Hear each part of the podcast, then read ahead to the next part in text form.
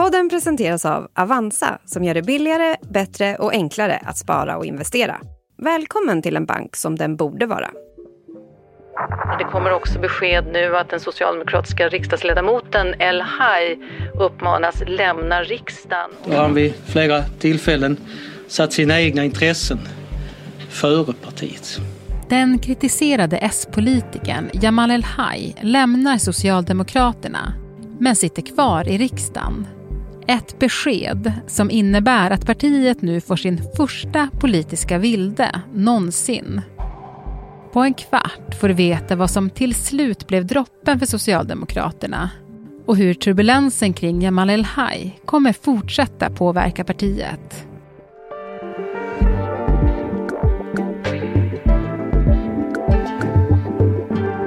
Det är den 12 februari.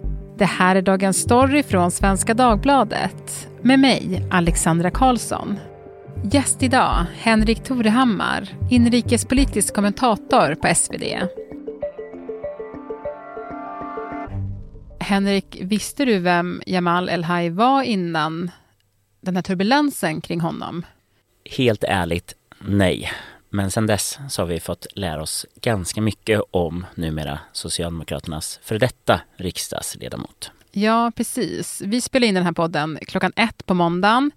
Jag säger det för det händer saker så att man vet ungefär eh, vars vi är i, i tidslinjen. Mm. Och alldeles nyss då kom beskedet att Jamal El-Haj lämnar Socialdemokraterna, men sitter kvar i riksdagen som politisk vilde. Blev du förvånad? Det blev jag faktiskt. Eh, jag blev egentligen förvånad redan i fredags när beskedet kom att eh, Socialdemokraterna inte har förtroende för honom. Eh, för jag tänkte de har ju ändå investerat så mycket tid och energi i att försvara honom under så lång tid. Men sen också att han själv har pratat om hur viktigt partiet är för honom. Och det här är ju ändå ett starkt brott med Socialdemokraterna. Mm. Ja, precis. I Socialdemokraterna är man inte vilde. Framförallt ett parti som är väldigt lojalt och disciplinerat. Man har koll på sina riksdagsledamöter. Att en riksdagsledamot inte lyssnar på sin partiledning när de säger du har inte vårt förtroende, du ska lämna ditt uppdrag. Det är väldigt unikt. Mm. Ja, men Henrik, vi, vi kanske ska återvända till i fredags, för det var ju då beskedet kom från Socialdemokraterna att man inte längre hade förtroende för Jamal El-Haj. Man hade en presskonferens och eh, vi kan höra vad Niklas Karlsson, som är ordförande för S i Skåne, sa då. Men vi har efter diskussion i vårt möte gjort en samlad bedömning om att det inte längre föreligger något förtroende för Jamal El-Haj. Hans agerande har skadat Socialdemokraterna. Som du sa där Henrik, så har ju Socialdemokraterna försvarat honom väldigt länge. Varför uppmanades han just nu att lämna? Det som hände i fredags var ju att det kom en artikel på Expressens ledarsida som berättade en ny historia för allmänheten om hur Jamal El-Haj hade kontaktat Migrationsverket och vädjat för att en konservativ imam skulle få stanna. Eh, det här kom på morgonen och sen så gick det ganska snabbt.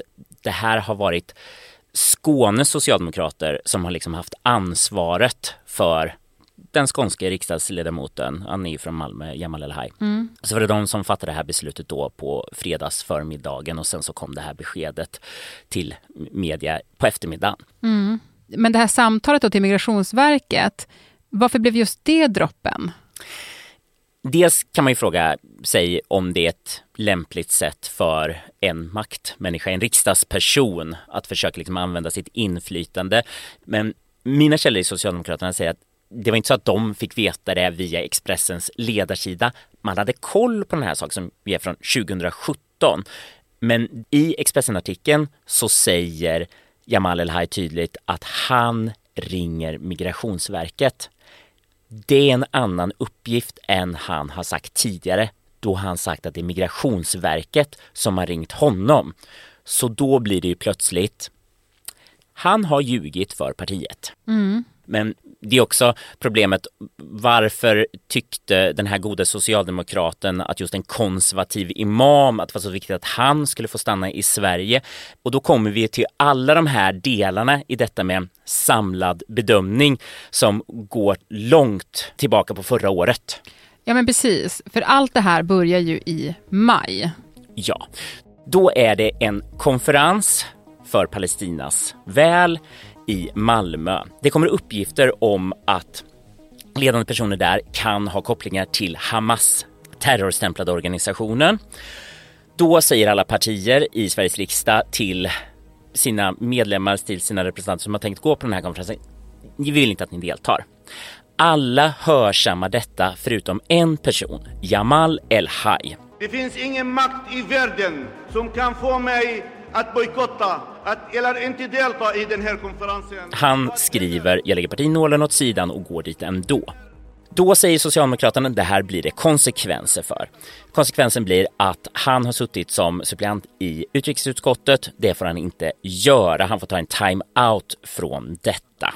Mm. Men trots det så fortsatte frågorna komma och eh, Socialdemokraterna ville prata om andra saker men Magdalena Andersson och andra företrädare var upptagna med att besvara frågor om Jamal El-Haj.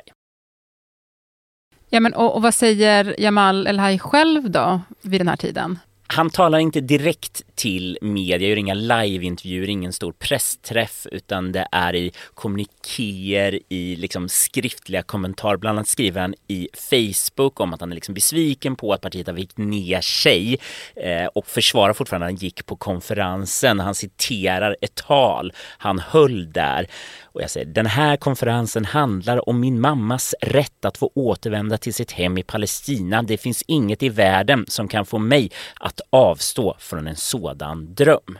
Mm. Sen sker Hamas attack mot Israel.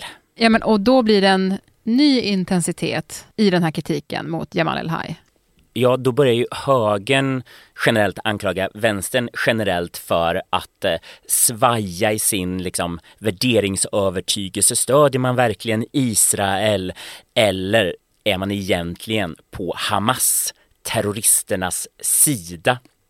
Och en sorts liksom, symbol för eh, de här tveksamma beteendet blir då Jamal El-Haj som till exempel när statsministern pratar om honom i en riksdagsdebatt i november. Det finns en terrorromantik i vissa S-kretsar som borde besvära S-ledaren. Anklagar du Jamal Hamas för att vara en terrorromantiker? Det blev ju väldigt mycket fokus på Magdalena Anderssons känslor i det här. Det är en fruktansvärd anklagelse, Ulf Kristersson. Du är landets statsminister. Men jag tycker att man hör ändå temat om försvaret utav Jamal El-Haj, hur det har sett ut från Socialdemokraterna. Mm. Och vad menar du då?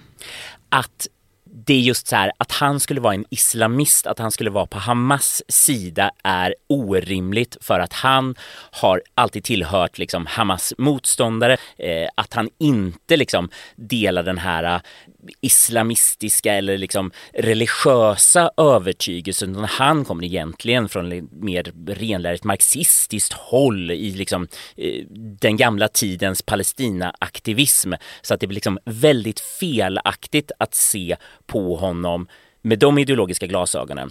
Och sen kommer det in också att han är ju typ ett gott exempel på en invandrare. Det är bra att vi har representation, den enda svensk-palestinien i riksdagen och att han är en trogen sosse, en fackföreningsman. Mm. Ja, men och partiet eh, försvarar ju honom och står bakom honom. Han själv ger fortsatt inga intervjuer. Men i januari då så, bryts tystnaden. Då bryts tystnaden och han gör flera intervjuer, varav en i Aktuellt. Min starka identitet i Palestinafrågan, det är att jag tycker att palestinierna har rätt att återvända till sitt land, var väldigt stark. Den konferensen finns i min stad. Jag är Malmöbo. Jag är riksdagsledamot som förträder Malmöbo. Och nu kommer det mer kritik inifrån partiet om att han inte levererar på det han skulle göra de här intervjuerna, nämligen tydligt säga att det var fel utav honom att inte lyssna på sitt parti och gå på den här konferensen. Det liksom säger han all, till slut är aktuellt. Han är inte tydlig i Dagens Nyheter. Och sen så skickar han ut mer sådana här liksom, eh, skriftliga kommentarer eh, om detta. Eh, men det här är någonting som socialdemokrater inifrån säger nu att så här, det här har varit en del att han inte levererade i de här intervjuerna på det han skulle göra. Mm. Och sen så kommer vi till det här sista eh, då en tydlig lögn som man uppfattade och sen verkar det vara mer saker men ingenting som vi har fått höra hittills utav vilka delar det är som gör att Socialdemokraterna i Skåne, som är de som är ansvariga för honom, nu har landat i att de inte har något förtroende för honom. Mm. Men utifrån ser det ju verkligen ut som en total vändning här på slutet. Så kan det ju kännas. I den politiska världen har man förtroende fram tills man inte längre har det och då går det liksom från 100 till noll. Samtidigt så har det här i tid varit en väldigt lång process och Kjeller menar att om ändå slutet skulle ha landat i att han inte ska vara med i Socialdemokraterna skulle man inte ha tjänat på att komma till det beslutet snabbare. Mm. Den här turbulensen då, hur, hur besvärlig är den för Socialdemokraterna just nu? Nej, men just för att man ställde sig så mycket bakom honom så gav man ju signalen att det finns ingenting här. Men sen tydligen fanns det ju någonting där. Och då är frågan, vad är detta något? Fortfarande eh, så säger Socialdemokraterna att nej men det, det fanns absolut rasistiska inslag i kampanjen mot Jamal El-Haj och faktiskt kanske det är så att just för att det var sådana som de menar ett rasistiskt drev eller inslaget av detta som gjorde att eh, Socialdemokraterna och framförallt Magdalena Andersson tog Jamal El-Haj i så starkt försvar. För det ville man inte stå ut med. Men sen så landade man i att det är egentligen just det här att man får inte vara en dålig sosse. Man måste vara en lojal socialdemokrat som lyssnar på det partiet säger och det gjorde inte Jamal El-Haj. Han har ju själv skrivit ett brev eh, i och med det här beslutet där han säger att han eh, eh, har varit en lojal socialdemokrat i över 30 år och att socialdemokratin fortfarande är hans övertygelse. Och att det är väldigt smärtsamt det här som har hänt nu. Eh, han skriver också att eh, han kommer vara fortsatt lojal med Sverige och det svenska folket och med det palestinska folket. Det går att älska två folk, det går att vara både svensk och palestinier. Skriver han bland annat då i det brevet. Nu är han ju vilde då i riksdagen. Kommer det påverka arbetet på något sätt i riksdagen? Troligtvis inte alls. Eh, mer att det kanske då försvinner en röst ibland eh, för eh, den vänstra sidan i politiken. Men precis som Elsa Widding som lämnade Sverigedemokraterna men sitter kvar. Hon har ju i det mesta ändå röstat för sitt gamla parti och det är väl troligt att tänka sig att eh, samma utveckling skulle kunna ske för Jamal El-Haj. Mm. Innan vi avslutar Henrik, så finns det ju också uppgifter om att partiet Nyans nu försöker värva Jamal El-Haj. Vad skulle det innebära? Det skulle nog vara ganska förödande för Socialdemokraterna som så länge sa att det här är fruktansvärda attacker på en person som absolut har gjort fel men nu försöker sona för det han har gjort fel. För det här är en människa som, som liksom knappt är muslim. Han, är liksom, han bara bryr sig om Palestinas frihet och fackföreningsfrågor.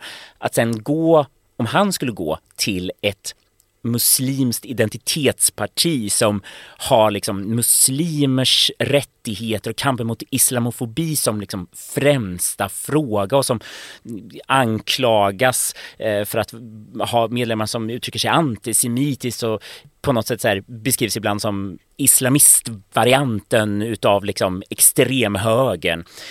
Om han skulle gå till ett sånt parti nej men då, då undrar man verkligen hur, hur kan man lita på Socialdemokraterna som parti och kanske också på Magdalena Anderssons omdöme som partiledare. Mm. Men jag ska också säga att, att Jamal El-Haj har blivit eh, approachad av Nyans tidigare och att han då i en skriftlig kommentar till bland annat Expressen har sagt så här, att han bestämt tackat nej till att gå över. Han är en seriös riksdagsledamot. Han har varken förtroende för Nyans eller för Nyans partiledare.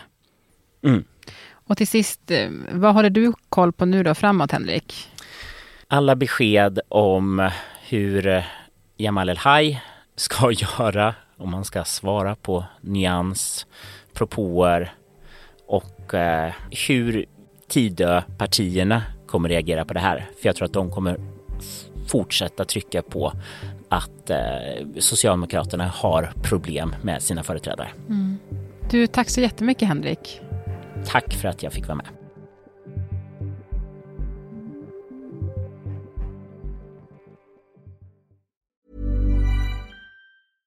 Hej, jag Ryan Reynolds. At Mint Mobile, we like to do the opposite of what Big Wireless does. They charge you a lot, we charge you a little. So naturally, when they announced they'd be raising their prices due to inflation, we decided to deflate our prices due to not hating you. That's right. We're cutting the price of Mint Unlimited from $30 a month to just $15 a month. Give it a try at mintmobile.com slash switch. $45 upfront for three months plus taxes and fees. Promote for new customers for limited time. Unlimited more than 40 gigabytes per month. Slows. Full terms at mintmobile.com.